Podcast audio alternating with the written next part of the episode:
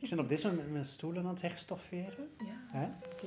En ik moet zeggen dat ik... Wacht, ik zal een fotootje laten zien. Ik ben dus wel echt trots op, op mijn resultaat.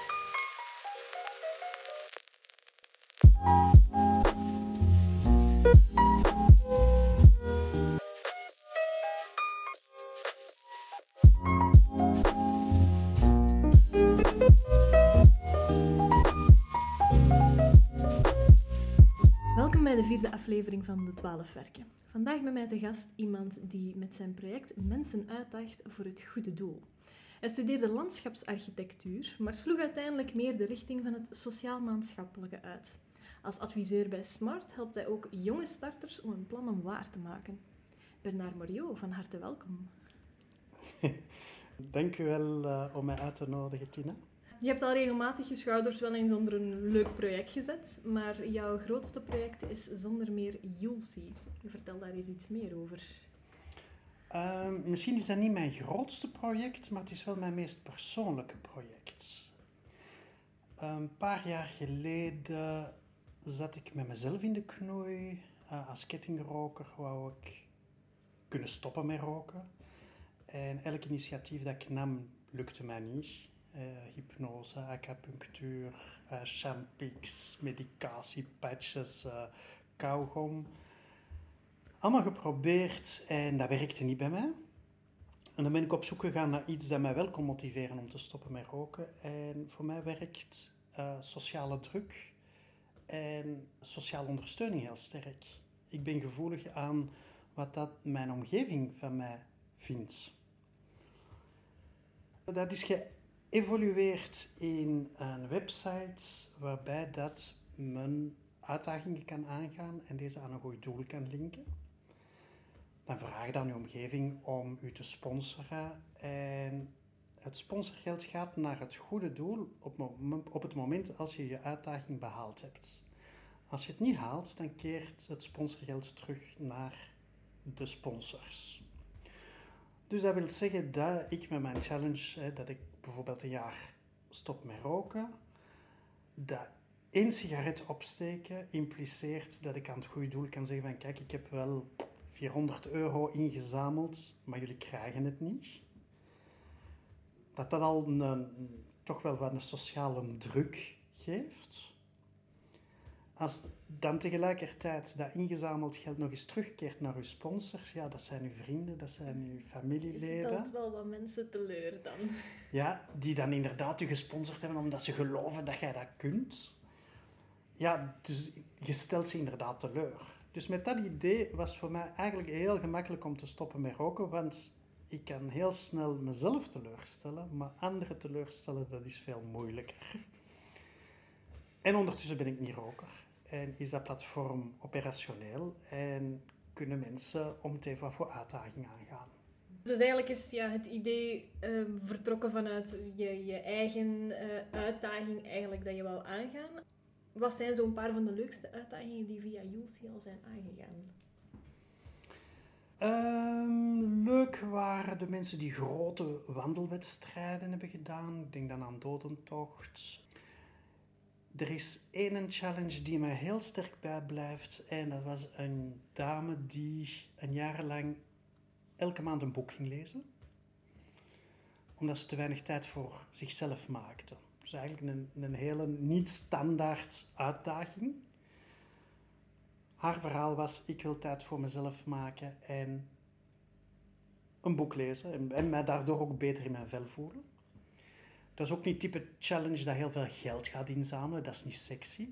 Maar tegelijkertijd is ze er wel in geslaagd van 9 van de 12 maanden haar boek te lezen en dan op het platform ook te laten weten van wat dat ze gelezen had, wat dat ze ervan vond, zo'n kleine resume.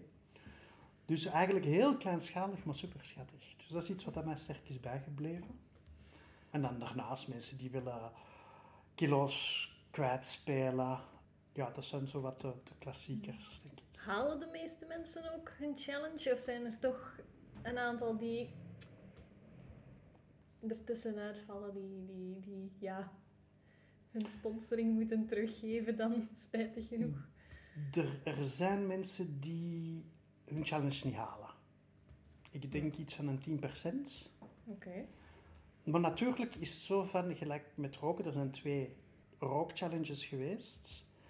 En beide personen zijn gestopt met roken. Dus daar is een slagingspercentage. Oké, Oké. het zijn nu niet de grote getallen, maar het slagingspercentage van het platform is dan wel 100%. Hè? Eh, ik denk dat op het moment als je bereid bent van een uitdaging aan te gaan, die ook te officialiseren, hè, want het Mhm. staat zichtbaar op het platform, iedereen kan dat terugvinden, dat je eigenlijk al een eerste stap hebt genomen om te slagen. Hè? Eh, je haalt, op het moment dat je iets bij je eigen houdt, dan bouwt je een soort falen in. Doe mij een beetje denken aan een dame die ik zeer goed ken, die eh, het platform niet wilt gebruiken, want ja, ze, wil, ze, stopt, ze rookt, ze wil heel graag stoppen met roken, maar als ze het platform gaat gebruiken, ja, wat dan als ze, als ze dan toch herstart? En dan merk je duidelijk van dat ze de een omgekeerde logica gebruikt en dat je eigenlijk al het falen inbouwt en dat dat de reden is waarom dat je het niet wilt officialiseren. Dus op het moment als je je uitdaging kenbaar maakt, en zeker naar je omgeving toe, is het niet alleen van kijk, ik ben daarmee bezig, maar tegelijkertijd laat aan je omgeving ook weten van ondersteunt mij in mijn initiatief. En je zegt eigenlijk al een beetje van ja, falen is geen optie of mag geen optie meer zijn. Ja. ja. Ja. Was het van in het begin de bedoeling dat het een, een groter platform werd of is dat uit zichzelf zo'n beetje gegroeid? Want het is met je persoonlijke uitdaging begonnen. Hier komen een paar managementlessen. Hoe het niet te doen. Hè? Ja, Ja. ook, ook Eh. Ik ben vertrokken vanuit mijn verhaal, hè, het stoppen met roken. En ik denk dat dat op zich heel goed was, dat je een eigen verhaal vertelt als je ergens wilt ondernemen. Maar ik ben niet bezig geweest met mijn omgeving daarin te betrekken. Ik ben niet op zoek gegaan naar co-founders, ik ben geen partnerschappen aangegaan. Ik heb met een, een heel klein aantal mensen samengewerkt om, die, om dat platform operationeel te kunnen krijgen. Ik was bezig met mijn stoppen met roken, met de logica, met, met een soort overdreven perfectionisme, maar ik, ik hield het allemaal veel te sterk bij mij. Maar als gevolg dat op het moment dat de website operationeel is gegaan, dat ik ervan op de hoogte was, een paar andere mensen ervan op de hoogte was, maar dat ik helemaal geen netwerk had opgebouwd, helemaal geen, geen mensen met dat platform mee had betrokken. Dus, beste luisteraars, slecht idee. Ja, als er niemand vanaf weet natuurlijk, kan, kan, kan niemand u, u steunen of eh, zelf een uitdaging beginnen natuurlijk. Dus dat was inderdaad lastig. Hoe heb je dat dan eh, opgelost gekregen? Opgelost is nog een groot woord. Ik ben nog steeds bezig met dat op te lossen. En dat is Mhm. ondertussen toch een verhaal dat een- over een paar jaren loopt. Ik heb een, een traject gevolgd bij Brio, Kamer van Koophandel. Absoluut zeer interessant. Hè? Dus dat is een begeleiding van start-ups. Absoluut zeer interessant. Maar ik denk dat dat niet echt de juiste omgeving was voor het type platform dat, dat ik had opgezet. Uh, ik denk dat zo'n brio fantastisch is als je echt een heel duidelijk product hebt, als je heel commercieel bent ingesteld. Terwijl dat, dat van mij veel meer een sociaal, een sociaal engagement is, een, een, sociaal ondernemen. Ik heb heel veel geleerd van brio, maar ik was niet juist publiek voor hen.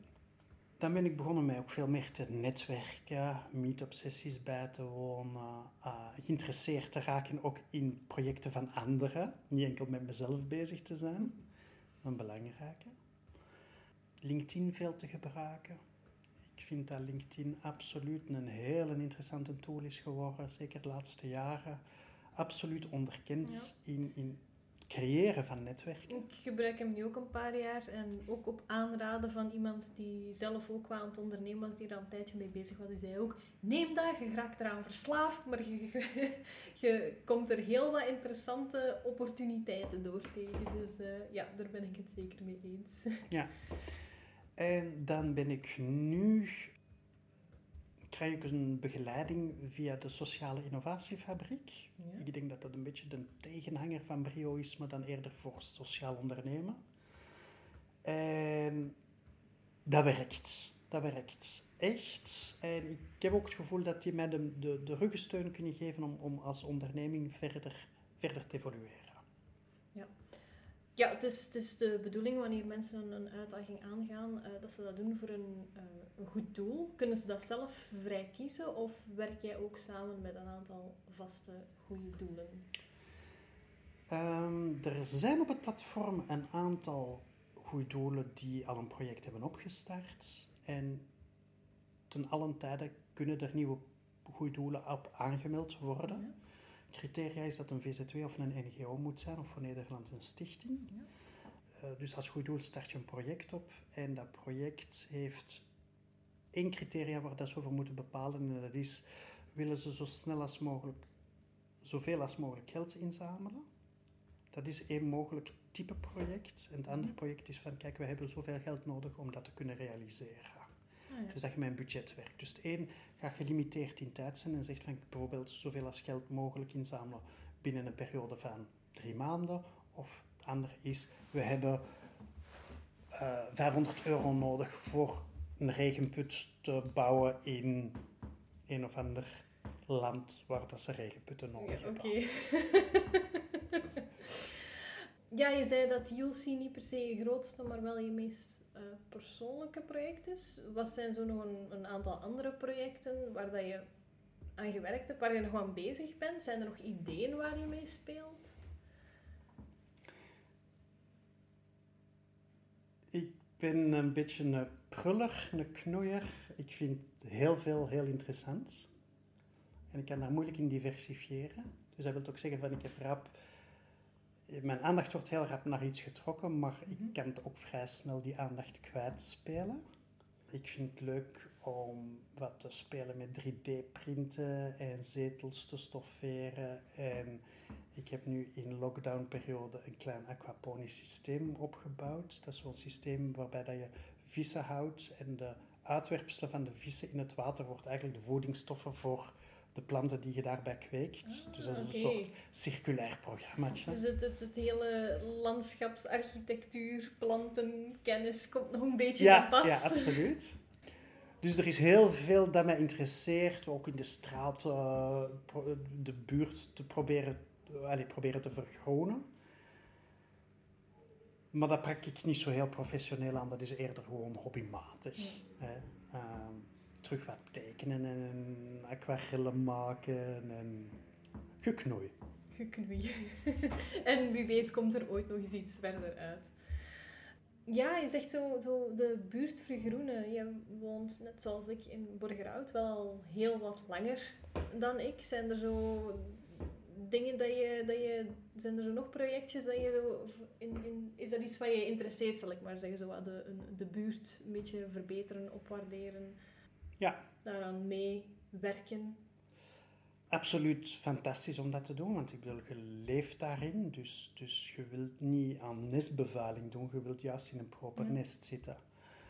Ik heb een paar jaar eh, aan een samentuinproject kunnen werken in Borgerhout. Heel toffe mensen leren kennen. Het idee van een samentuin is... Het is een beetje de communistische versie van een, eh, de volkstuin. Ja. Hè? Daar waar dat je bij de volkstuin ieder zijn eigen lapje grond heeft, is een samentuin eh, van iedereen. Dus Ja. je zaait samen, je onderhoudt samen, je oogst samen. En Ah. alles wordt een beetje onder iedereen gelijk verdeeld. Ja. Eh, en daar wordt geen rekening gehouden met hoeveel uren dat je dit of dat. Dus het is niet een controlesysteem. Er, Dus, daar eh, stak heel weinig controle achter. Eh, het ging over de bijdrage die je doet. En solidariteit. Ja. Ja, ja. Heel fijn om dat te doen. We hebben ook geprobeerd toen van in Borgerhout de allochtone bevolking ook wat mee te betrekken in dat project, maar dat werkte niet goed. Ehm, Enig idee hoe dat, dat, hoe dat, dat komt? Is dat cultuurverschillen, taal? ik denk dat de mensen die geïnteresseerd waren om mee te doen, financieel in een, in een moeilijke situatie zaten. En als je dan je energie moet steken in hè, een stukje grond te onderhouden, Mhm. en niet zeker van zijn dat, dat de opbrengst effectief ook naar u gaat, dat dat moeilijk is in uw concept. Ik bedoel, als voor mij de oogst mislukt, ja, dan heb ik mij daar wel mee geamuseerd. En dat is het. Voor mensen die, die in moeilijker leefsituaties zitten, Daar hangt meer van. daar hangt meer van af. Ja. Hm? Dus ik denk dat die op dat moment ook veel meer gebaat zijn met het concept van een volkstuin. Geeft een eigen stuk en laat ze het Mhm. zelf beheren. Dat collectieve, dat, ik heb het gevoel dat ze de mensen die, allez, die zich toen hebben aangemeld, daar gewoon ook nog niet klaar voor waren. Ah. Ja. ja, wie weet in de toekomst. Het zou goed zijn. Ja. Eventjes iets anders. Je werkt als adviseur bij Smart. Daar help je ook ja, startende ondernemers met hun, met hun plannen en hun ideeën. Eh, men zegt wel eens van ondernemen dat dat iets is wat je in je moet hebben. Is dat zo of is ondernemen volgens jou iets wat je kunt leren? Je kan hoe dan ook een groot stuk leren.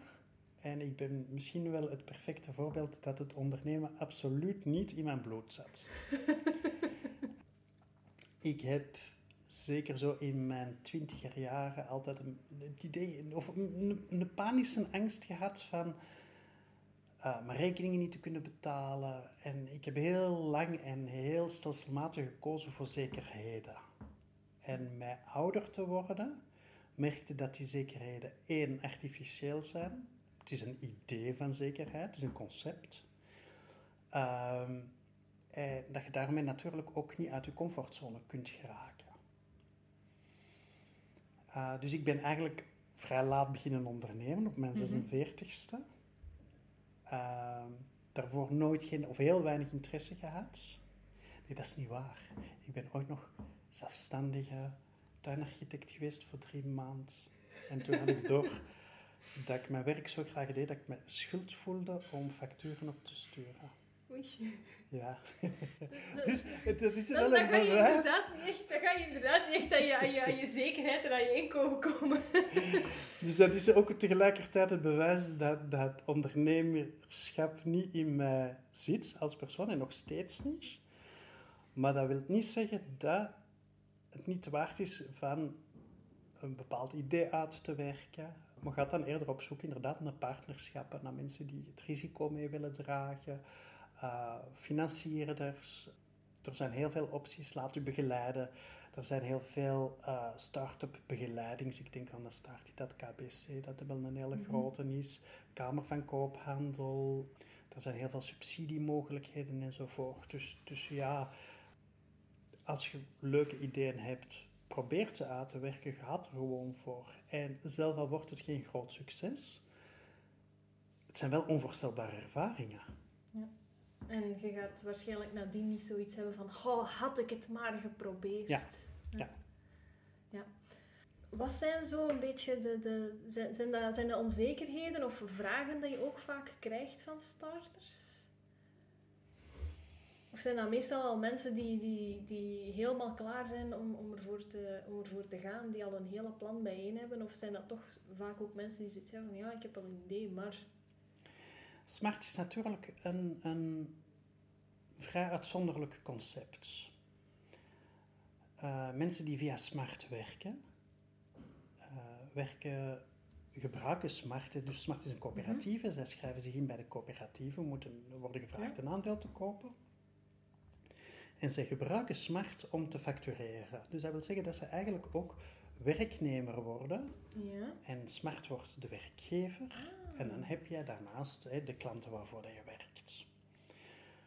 Dus dat geeft je de mogelijkheden om te freelancen, maar wel met de zekerheden van een meer beschermd statuut ah, ja. als, als werknemer. Dus dat is dan eerder voor mensen die zo de stap naar het volledige zelfstandige misschien nog wel te groot vinden en dan freelancen met een, op een veiligere basis, zal ik maar zeggen. Dat, of mensen die zeggen van kijk, ik bedoel, ik ben, uh, ik heb mijn vaste job, maar ik ben daarnaast absoluut geïnteresseerd in fotografie en ik word af en toe gevraagd voor een opdracht of Ja. hè, voor een bepaald project uit te voeren en ik wil dat ook wel officieel doen. Ik wil dat kunnen Mhm. factureren, ik wil eventueel onkosten kunnen inbrengen. En dan is Smart daar natuurlijk een heel fijne optie voor. Als je sporadisch een keer zegt van het is Ja. niet iets wat ik eh, elke week doe, Ja. maar Ja. ja. dat is inderdaad wel een, een interessante optie zonder dat je daar al te grote kosten in moet maken. Hè. En je risico verlaagt natuurlijk ook, omdat je eh, van het moment dat je een zaak opstart, heb je je oprichtingskosten. Dus Mhm. dan zitten van de eerste keer al met geld dat op tafel moet liggen. Ja. Hè? Werk jij via Smart, ja, dan heb je één aandeel nodig. En na aankoop van dat aandeel kan jij beginnen werken. Ja. Dus ja, dat is eigenlijk vrij snel dat je dan ook eh, uit de Ja. startblokken bent. Ja. Hoe ben je eigenlijk zelf bij Smart terechtgekomen? Was dat ook een van de vele dingen waar je geïnteresseerd in was en zoiets had van kom, laten we dat ook eens doen? Zoals ik zei, had ik een zware behoefte aan zekerheid. Ja. Als in mijn tiener, twintiger jaren. En eigenlijk heb ik dat nog altijd een stuk. Dus ik ben na mijn werk, ik heb 15 jaar voor een multinational gewerkt. Na dat werk wou ik iets nieuws proberen. En dan is het verhaal van Julcie bovengekomen. Ik wou dan stoppen met roken. En ik heb dan een periode zelfstandige, was ik dan zelfstandige in hoofdberoep. Maar ja, ik was bezig met dat project Julcie. Daar stonden geen inkomsten over. Ik heb dat ook allemaal heel ethisch aangepakt. hè. Mhm. Ehm, maar als gevolg dat ik eigenlijk op mijn reserves was aan het teren. En dan is er een periode geweest dat ik eigenlijk s'nachts niet meer kon slapen, omdat ik merkte dat ik echt wel een gebrek aan zekerheid begon te krijgen. Mhm. En dan ben ik beginnen op zoek gaan naar... eh, en dan ben ik op zoek gegaan naar een parttime job. En een interessante parttime job is heel lastig. Ik wou echt een, een, een, een, een halftime. En dan was er een vacature van Smart voor een vier vijfde. En dan had ik zoiets van, oké, vier vijfde lijkt me fantastisch. Nee, dat is in, nee, initieel drie vijfde en dan is dat verder doorgegroeid naar een vier vijfde. En ik werk nu nog steeds als vier vijfde dan voor Smart. Dus dat wil zeggen, dat is voor mij mijn basiszekerheid. De het brood op de tafel en de boter op de tafel, maar nog niet geen confituur. En dat geeft mij de ruimte om daarnaast Julcie, om daar verder aan te werken. Wat dat ook wil zeggen dat het trager gaat, dat je daar niet fulltime aan bezig bent, dat je ook tijdens kantooruren daar niet hè, volledig aan kunt werken. Mhm. Maar tegelijkertijd heb ik geen paniekmodus niet meer van, oh, maar ik ga de maand niet meer rondkomen ofzovoort. Dus ik heb mijn basis kunnen voorzien en ik heb daarnaast de ruimte om verder te werken aan mijn project. Hoe ziet de toekomst er voor Julcie momenteel uit? Leuk. Eh, via de Sociale Innovatiefabriek ondertussen andere, een beetje gelijkaardige projecten leren kennen. En dat begint klikken en daar beginnen een soort ideeën achter partnerschap of van partnerschap te, te vormen. Er zijn een paar testen geweest. Er is nu een jongere groep die het platform heeft gebruikt om de Refugee Walk te wandelen zijn er heel succesvol in geweest. Hebben daar meer dan 2000 euro mee ingezameld eh, voor Vluchtelingenwerk Vlaanderen. Heel fijn, heel Ja. tof. Jules zit op dit moment in een, VZ, eh, nee, in een BVBA-structuur, omdat er een, een, een derde rekening is. Dat is een rekening waar dat de, de, de sponsorgelden op gestort worden en die blijven geblokkeerd totdat een challenge succesvol of niet succesvol wordt afgerond. Ja. Wordt die succesvol afgerond, dan gaat het geld naar het goede doel. Wordt je niet succesvol afgerond, dan keert dat geld terug naar de sponsors, maar wel als credits op de website. Dus dan kunnen ze die gebruiken om nieuwe challenges te ondersteunen of zelf een challenge aan te gaan. En, en dat sponsorgeld eh, te gebruiken om zichzelf ook te sponsoren. Dat zit op deze moment in een BVBA-structuur, maar het zou ideaal zijn van dat naar een VZW-structuur of naar een te- VZW-structuur over te brengen. Ja. Dus dat is natuurlijk een verhaal dat speelt. En ik ben ondertussen ook binnen mijn community beginnen polsen naar mensen die of, of ze geïnteresseerd zouden zijn om in de raad van bestuur te komen. Uh, want ja, ik wil daar niet PP mee mee in de raad van bestuur hebben, maar mensen die ook wel een visie hebben en die representatief zijn voor het gedeelte van de goede doelen of voor evenementen of voor bedrijven die meer op platformen kunnen deelnemen enzovoort. Dus een, een, een, een bonte verzameling van mensen die, die uh, ook wel iets te zeggen hebben en die, ja. die, die het project verder kunnen helpen. Als laatste, wat is de beste tip die jij aan iemand zou geven die zelf ermee speelt om, om een onderneming of een project te starten? Op basis van je eigen ervaringen, je eigen opgedane kennis? Het allerbelangrijkste plezier hebben. Allerbelangrijkste. Open te staan, met je netwerk bezig te zijn, je verhalen te vertellen, aftesten met andere mensen, wat ze ervan vinden, input krijgen. Het niet heel serieus zien, of niet te serieus willen zien. Hm? Uh, er is zo'n periode geweest van dat je je ideeën niet mocht vertellen, want dan gingen anderen daarmee gaan lopen. Dat is naar mijn gevoel de grootste kwatsch.